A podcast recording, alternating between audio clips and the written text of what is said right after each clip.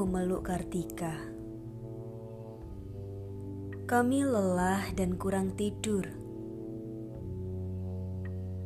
Tubuhku rasanya betul-betul ringsek. Di tengah guncangan yang mengerikan, di tengah laut itu, Kusno sesekali memandangku dengan cemas. Aku balik memandangnya. Melalui mataku, aku mengirim pesan pada Kusno bahwa aku masih bertahan sampai kapan pun dalam perjalanan ini bersamanya.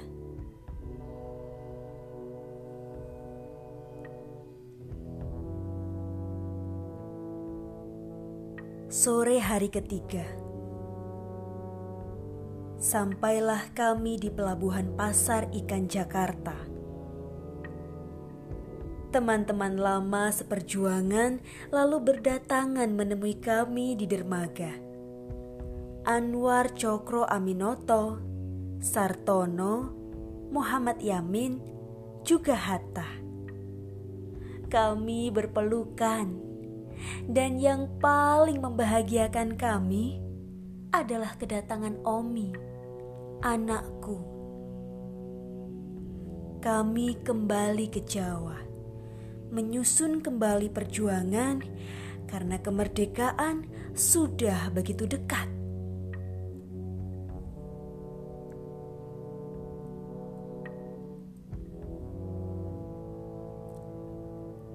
aku merasa kembali ke masa dulu, kegairahan perjuangan, rapat politik, pidato Kusno yang berapi-api, tepuk tangan dan orang-orang yang mengeluh-elukannya.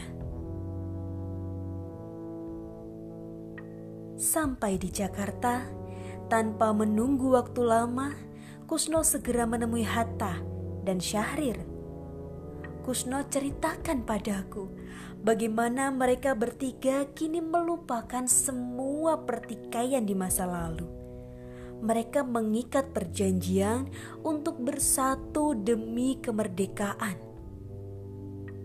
Aku lega mendengarnya. Menghadapi tentara Jepang, ketiganya menyusun siasat. Kusno dan Hatta akan masuk bergabung dengan 3A yang dibentuk Jepang, sedang Syahrir akan menempuh jalan lain.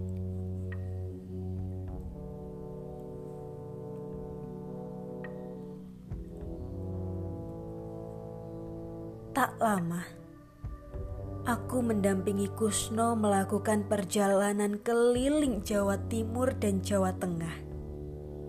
Seperti dulu, tak ada yang dilakukan Kusno selain berpidato di hadapan ribuan rakyat yang menyambut dan mengeluh-elukannya. Kusno menemukan kembali semangatnya yang dulu, bahkan kini lebih bersemangat. Setiap malam, ia ceritakan padaku semua rencana dan apa yang dipikirkannya, termasuk memanfaatkan kedekatannya dengan Jepang untuk menyiapkan kemerdekaan, bukan seperti yang diinginkan oleh Jepang. Seperti dulu, aku hanya bisa diam, mendengarkan semua ceritanya, larut ke dalam semangat dan keyakinannya.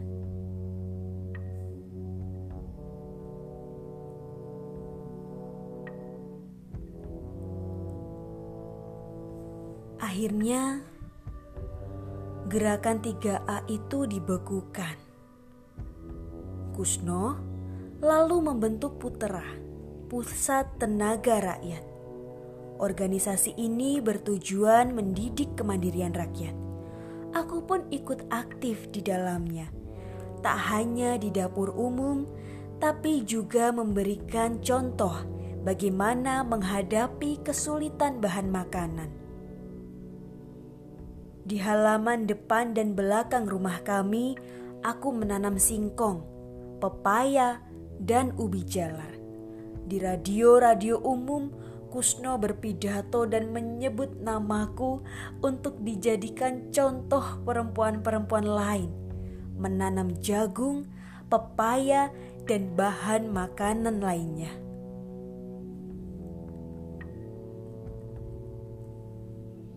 Berbulan-bulan kami tenggelam ke dalam kesibukan perjuangan.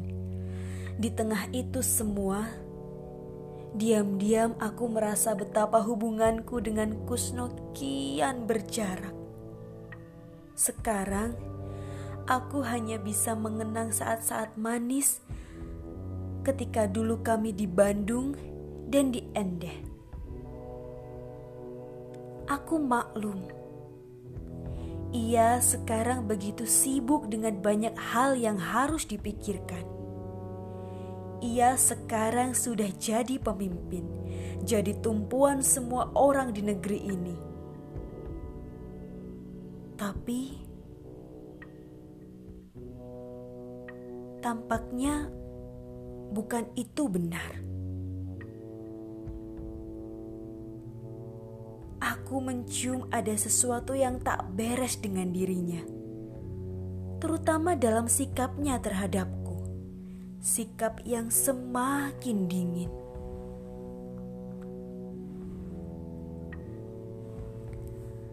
Ah, rasanya aku mulai tahu badai itu akan datang lagi Desas-desus dan pergunjingan kembali mengelilingiku seperti ribuan lebah. Di tengah gunjingan itu, aku merasa sendirian. Orang-orang tak berani bilang apa pun padaku selain hanya memandangku dengan rasa kasihan. Dan aku tak suka diperlakukan seperti itu. Gusti, Suara desas-desus itu dan bau menyengat itu kembali. Aku diguncang dan diombang-ambing.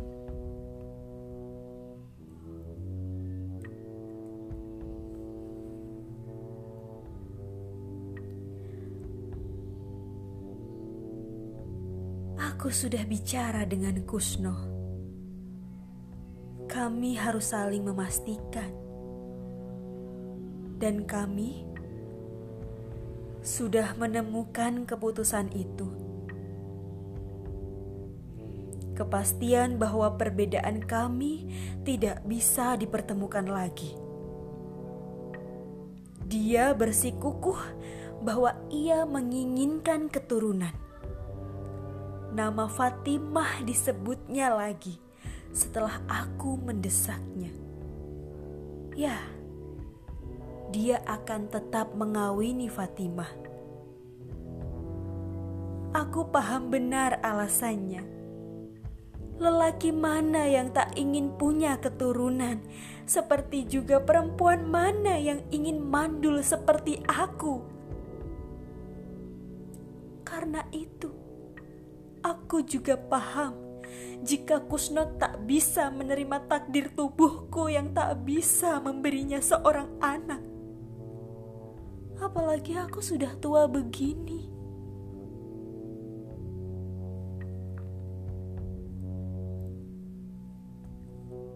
Aku tahu diri, tapi bukan lantas karena takdirku itu aku harus menerima apa yang diinginkannya. Meski sekali lagi Kusno tadi bilang bahwa aku akan tetap menjadi perempuan dan istri utama. Tapi itu tak berlaku bagiku. Ceraikan aku atau tinggalkan Fatimah. Harga diriku lebih utama dari istana.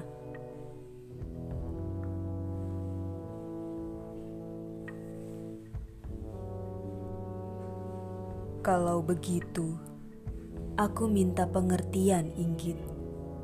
Perkawinan kita tak bisa lagi dipertahankan. Begitu dia bilang. Aku memandangnya dengan tenang dan kukatakan, "Baik." Dan Kus sudah tahu jawabanku sejak di Bengkulu. Kita akhiri semua ini dengan baik-baik.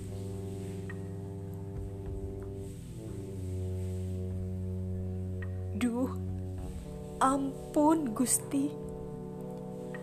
Dulu seseorang memasuki rumahku.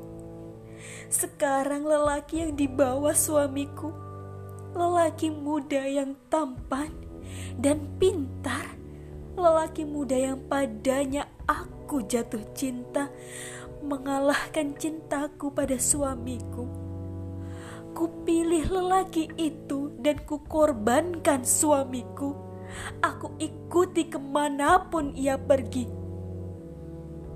Tapi kini suamiku pun menikahi anak darah yang kami bawa masuk ke dalam rumah kami. Duh, ampun Gusti. Inikah karmamu itu?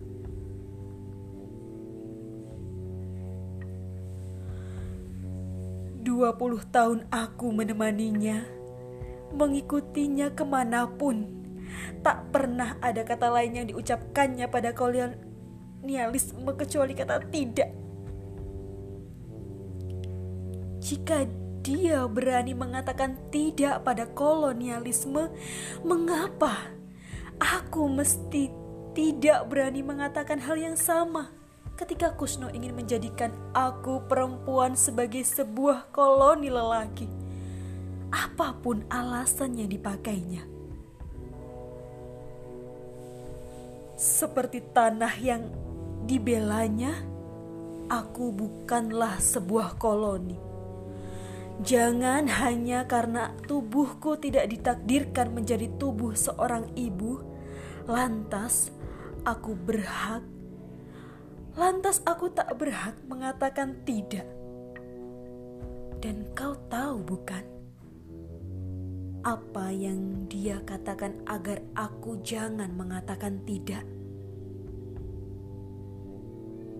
Meski aku mengawininya, tapi Inggi tetaplah wanita utama, istri utama.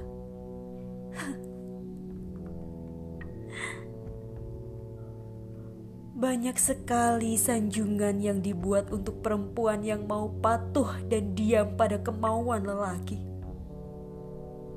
Buatku, sanjungan itu adalah muslihat. Biarlah, aku tak pernah menjadi wanita utama atau istri utama karena aku telah mengambil hakku atas kata tidak Harga diriku tak bisa ditukar dengan sebutan apa pun, bahkan dengan istana sekalipun.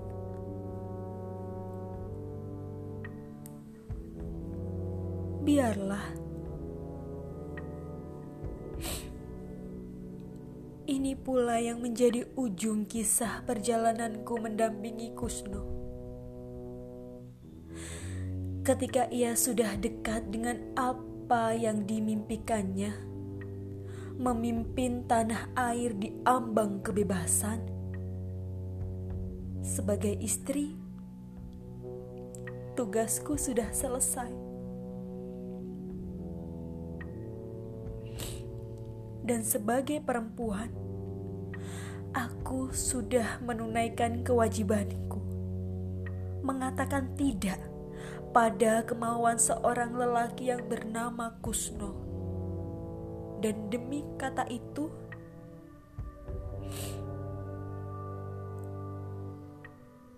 baik aku memilih kembali ke Bandung membawa kembali peti tua ini dan semua harga diriku tapi satu hal yang ingin aku katakan padamu tentang Kusno.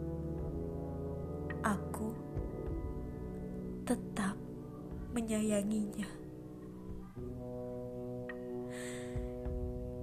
Inggit menenteng kopernya menuju pintu dengan cahaya terang di luar.